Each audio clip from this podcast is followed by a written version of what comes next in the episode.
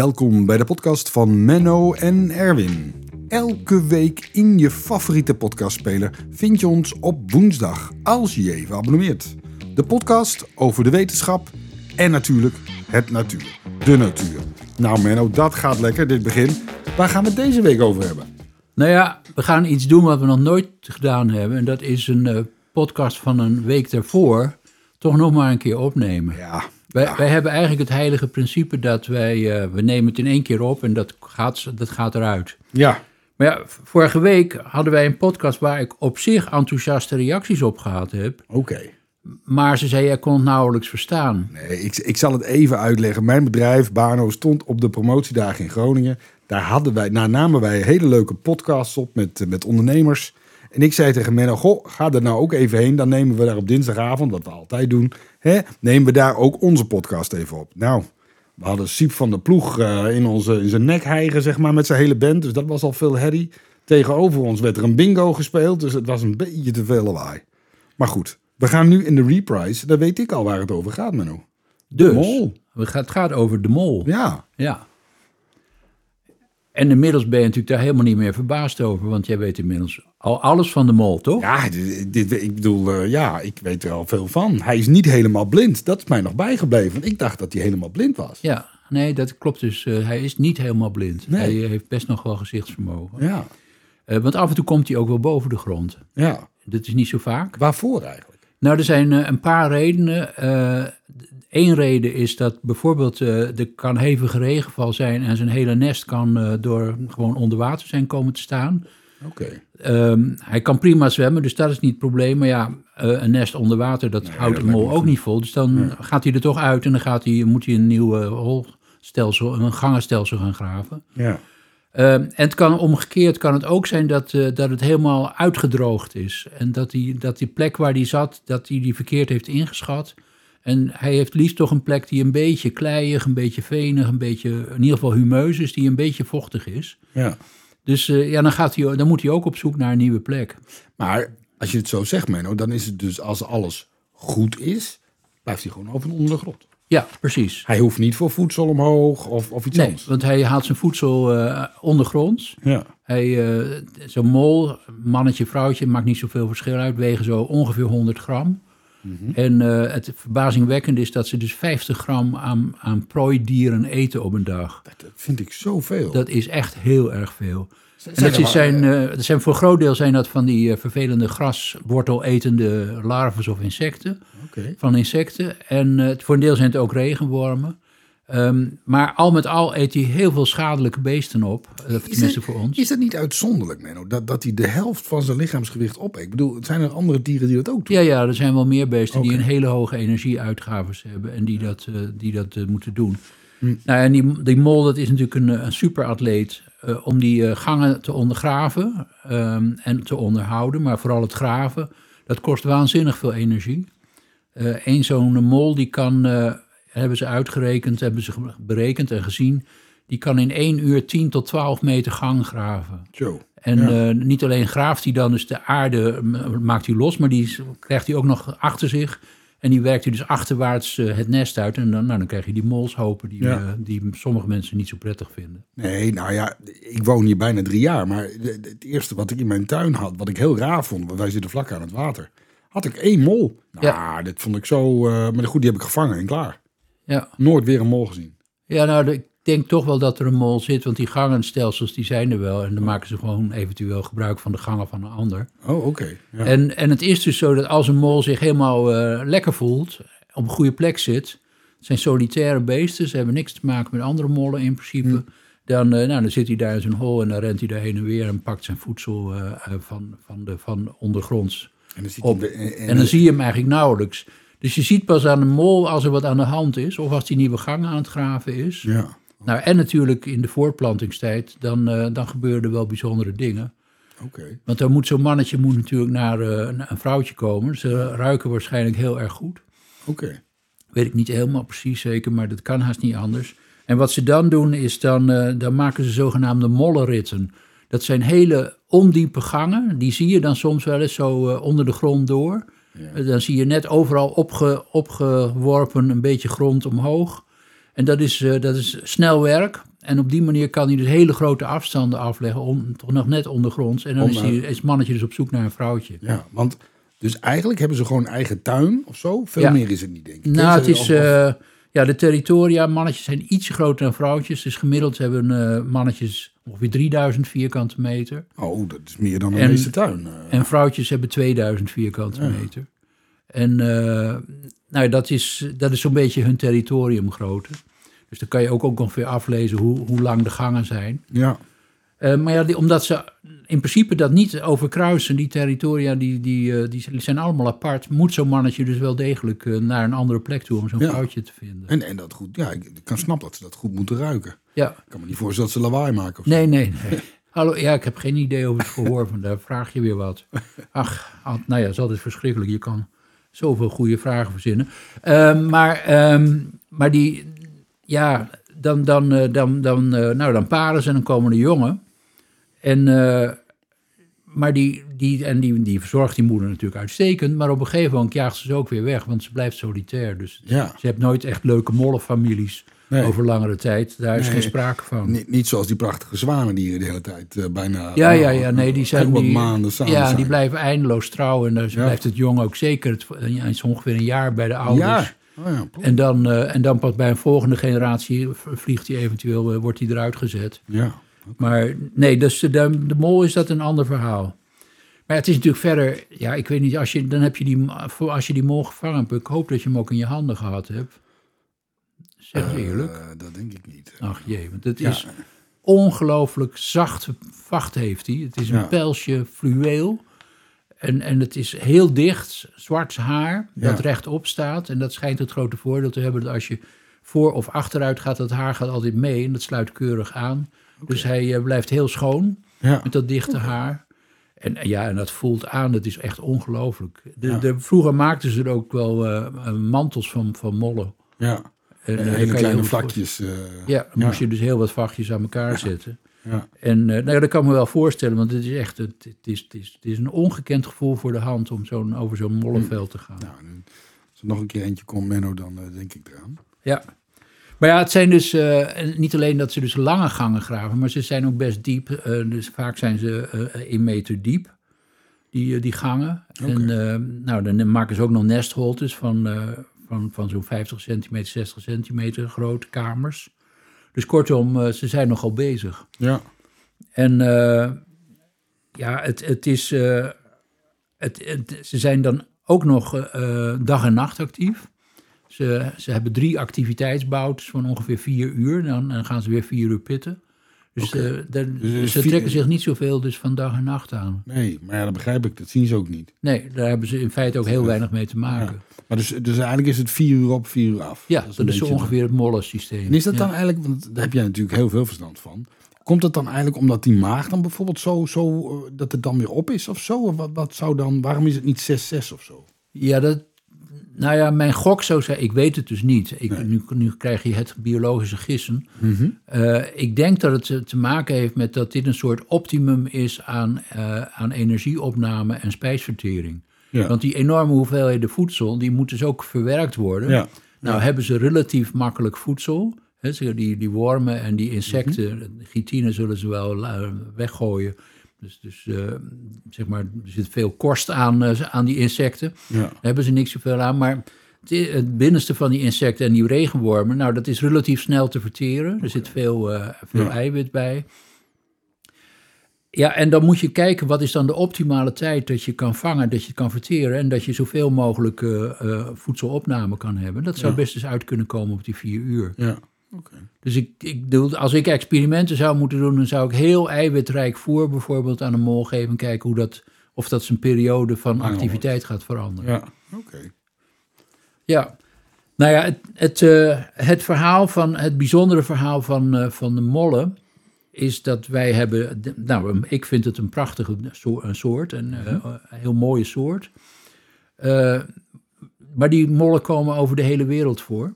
Ja. Eh, van dezelfde familie komen de mollen voor in Azië en in Amerika. Je hebt in Amerika zo'n eh, mol, die heeft een hele rare snuit met zo'n soort stervormige snuit. Maar dat, dat zit allemaal heel dicht bij elkaar bij onze mol. Ja, je, je hebt niet een hele grote mol of zo. Nee, nee, nee, nee. nee ze zitten allemaal ongeveer in de orde van, dezelfde orde van grootte. Maar het bijzondere is dat het principe van dit ondergrondse leven is dus heel vaak uh, in de natuur uitgevonden.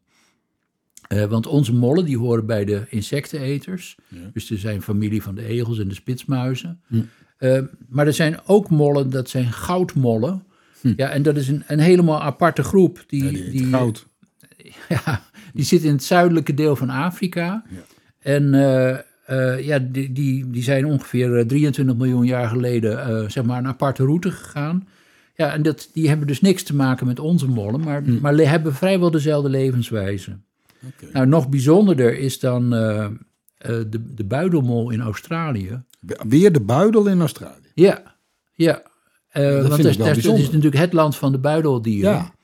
En, hoe, hoe, kan ja, dat dan, Menno? Dat daar, bedoel, daar zitten de meeste buideldieren, heb ik het gevoel. Ja, ja, nou eigenlijk is daar het verhaal van dat die, uh, die, die buideldieren, die, die zijn, uh, weet ik wat, 300 miljoen jaar geleden waren die er al. Mm -hmm. En uh, die, die waren eigenlijk, zaten over de hele aarde heen, maar de aarde zat, was, zat toen heel anders in elkaar. Al die continenten ja, zaten, zaten, nog met elkaar aan elkaar vast. Ja. Mm -hmm.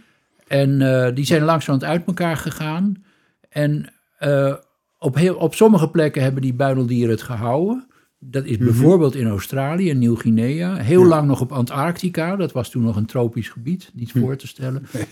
En, uh, en, en in Zuid-Amerika, Noord-Amerika, daar zijn nog een paar uh, buidelsoorten. Mm -hmm. Maar in, uh, in de rest van Azië en in Europa, daar, daar hebben ze het niet gehaald. En daar hebben ze het dus afgelegd tegen de, de, de, de, de zoogdieren met een baarmoeder, de placentale ja. zoogdieren. Nou, dat zijn in principe alle zoogdieren die wij uit onze omgeving ja. kennen. En ja. wij zelf ook.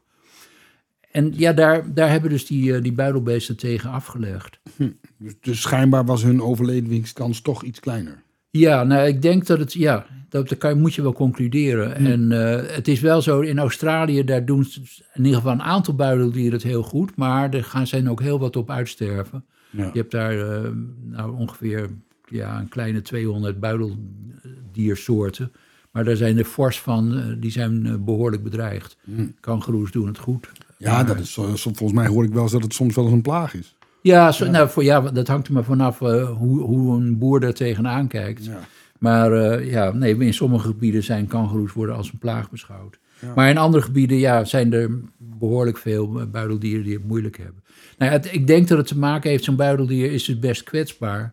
Omdat zo'n jong, dat wordt heel vroeg geboren. Dat is echt een super prematuurtje. Ja. En dat zit dan in die buidel. En dat is een behoorlijk lange kwetsbare tijd. Terwijl die, die uh, als zo'n jong uh, in, de, in de baarmoeder zit, dat is een heel veilige omgeving. Daar ja. is die goed afgeschermd. Ja. Het is een beetje ingewikkeld, uh, want ja. je krijgt in principe een groot jong wat geboren moet worden. Nou, daar weten mensen heel veel van. maar, maar in principe is dat waarschijnlijk een, een efficiëntere manier om een jong groot te brengen. Ja, dan een buidel. Dan via de buidel. Hm. Tja, nou, hoe het ook zij, die, die, die buidelmollen uh, die, dus, ja, die dus een heel andere geschiedenis hebben en veel eerder zijn afgesplitst, die, ja, die, die hebben dus uh, precies dezelfde levenswijze als onze mollen. Hm. Nou, dus, dus eigenlijk in de evolutie is het op verschillende tijdstippen hetzelfde principe bedacht. Ja, dat, je, dat, dat ondergronds leven is een, is een plek dat heeft absoluut voordelen. Je ja. leeft redelijk beschut. Hm. Je leeft een beetje afgeschermd van de directe ja. vijanden en van, van, uh, van ja, van omgevingsinvloeden. Hm. En er is in heel veel gebieden best veel eten te vinden ondergrond. Ja. Nou, daar, daar maken die dieren gebruik van. Dat is wel een beetje saai. Ja, dat weet ik niet. Oh. Of het mollenleven saai is. Dat ja, denk je niet? Ja, geen idee. Er is eentje daar, zo'n gangetje. Ja, dat, het, het, woord saai is een beetje voor een bioloog een beetje ingewikkeld. Oké. Okay. nou ja, misschien zijn ze wel heel goed in mindfulness. Ik weet het ook niet. Nee. Nou, en, en er is dan uh, in dit verhaal nog één aanvulling, want dat, dat is uh, de meest exotische molachtige beesten, dat zijn de molratten. Die okay. komen door heel Afrika voor. Hmm. En dat zijn, dat zijn helemaal geen insectivore beesten, dat zijn buidelbeesten, dat zijn in feite knaagdieren. Dat zijn gewoon, okay. horen bij de knaagdierfamilie. Hmm. En dat zijn beesten die, ehm, die, die zijn, hebben echt een heel bizar leven. Um, ik heb, we hebben één uh, zo'n buidelsoort hebben we een tijd lang op het lab gehad. Hebben we gedragsonderzoek aan gedaan. Uh, Cryptomus hottentotus, de, de, de, de hottentot eh, eh, molrat, ook wel de gewone molrat inmiddels genoemd.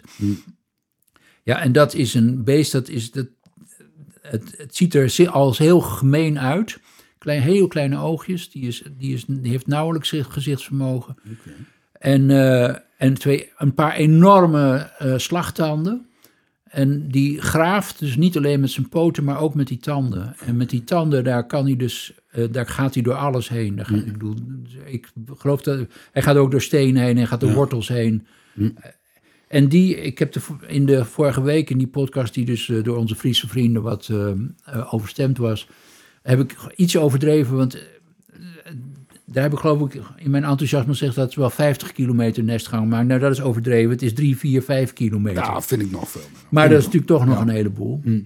Het zijn heel bijzondere beesten. Je moet dus echt oppassen. Wij- eh, ik geloof niet dat ze agressief zijn. Maar als je dus je vinger in de bak stopt met die molrat... dan, ja, dan heb je een hele grote kans dat hij eraf is. Want Ja. dan gaan die tanden omheen en dan eh, knap. Het is levensgevaarlijk in het lab.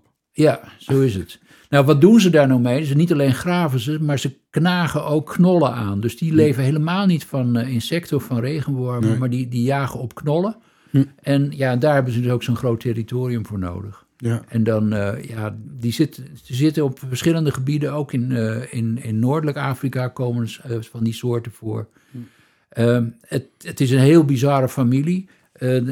De, de, de verdere directe relaties met andere knaagdieren is nog helemaal niet zo duidelijk. Daar wordt nogal over ge- gestreden. En verder is er iets heel bijzonders. Er is, er is één soort, die, daar is het helemaal bizar. Dat is de naakte molrat. Die heeft dus geen velletje. Eh, die heeft dus zeg maar wel een vel, maar geen vacht. Sorry, Nee. ik moet even precies zijn. Natuurlijk heeft hij een vel. Ja. Maar die ziet eruit als een, eh, nou ja, als een verrimpelde pasgeboren baby. Oké. En ehm, het bijzondere aan die naakte molrat is dat dat een, eh, een uitsociaal beest is. En dat is een beetje een, een ingewikkeld, eh, ingewikkelde biologische kreet. Ja. Maar waar het op neerkomt is dat er één supervrouwtje is...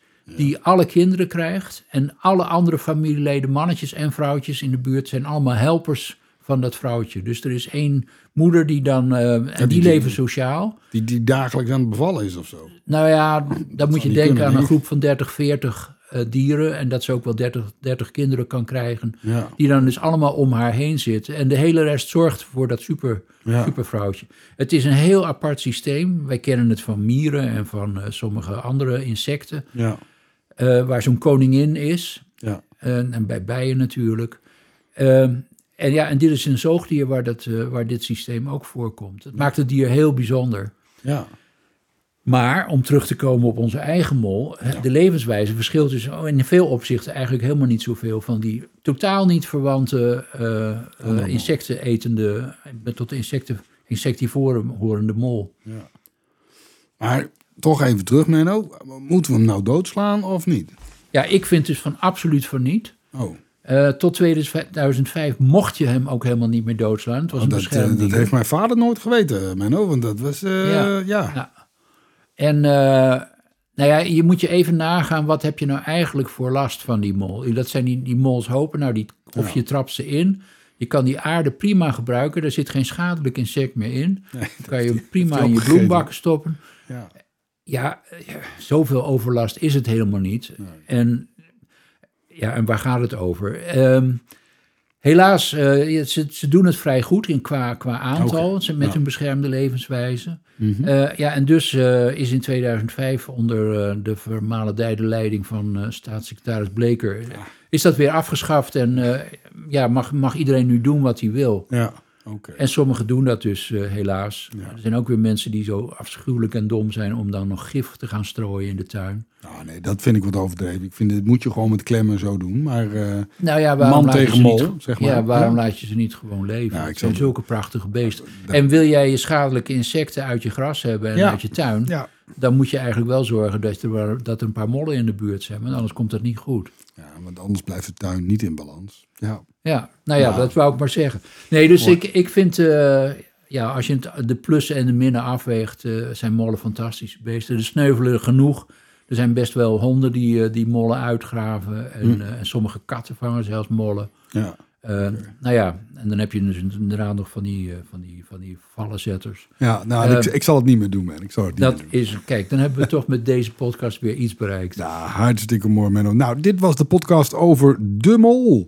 Ja, vond je het nou leuk? Nou, volg ons dan even in je favoriete podcastspeler. Dan krijg je direct een reminder met onze volgende aflevering. Want we zijn er elke week over de wetenschap en het natuur.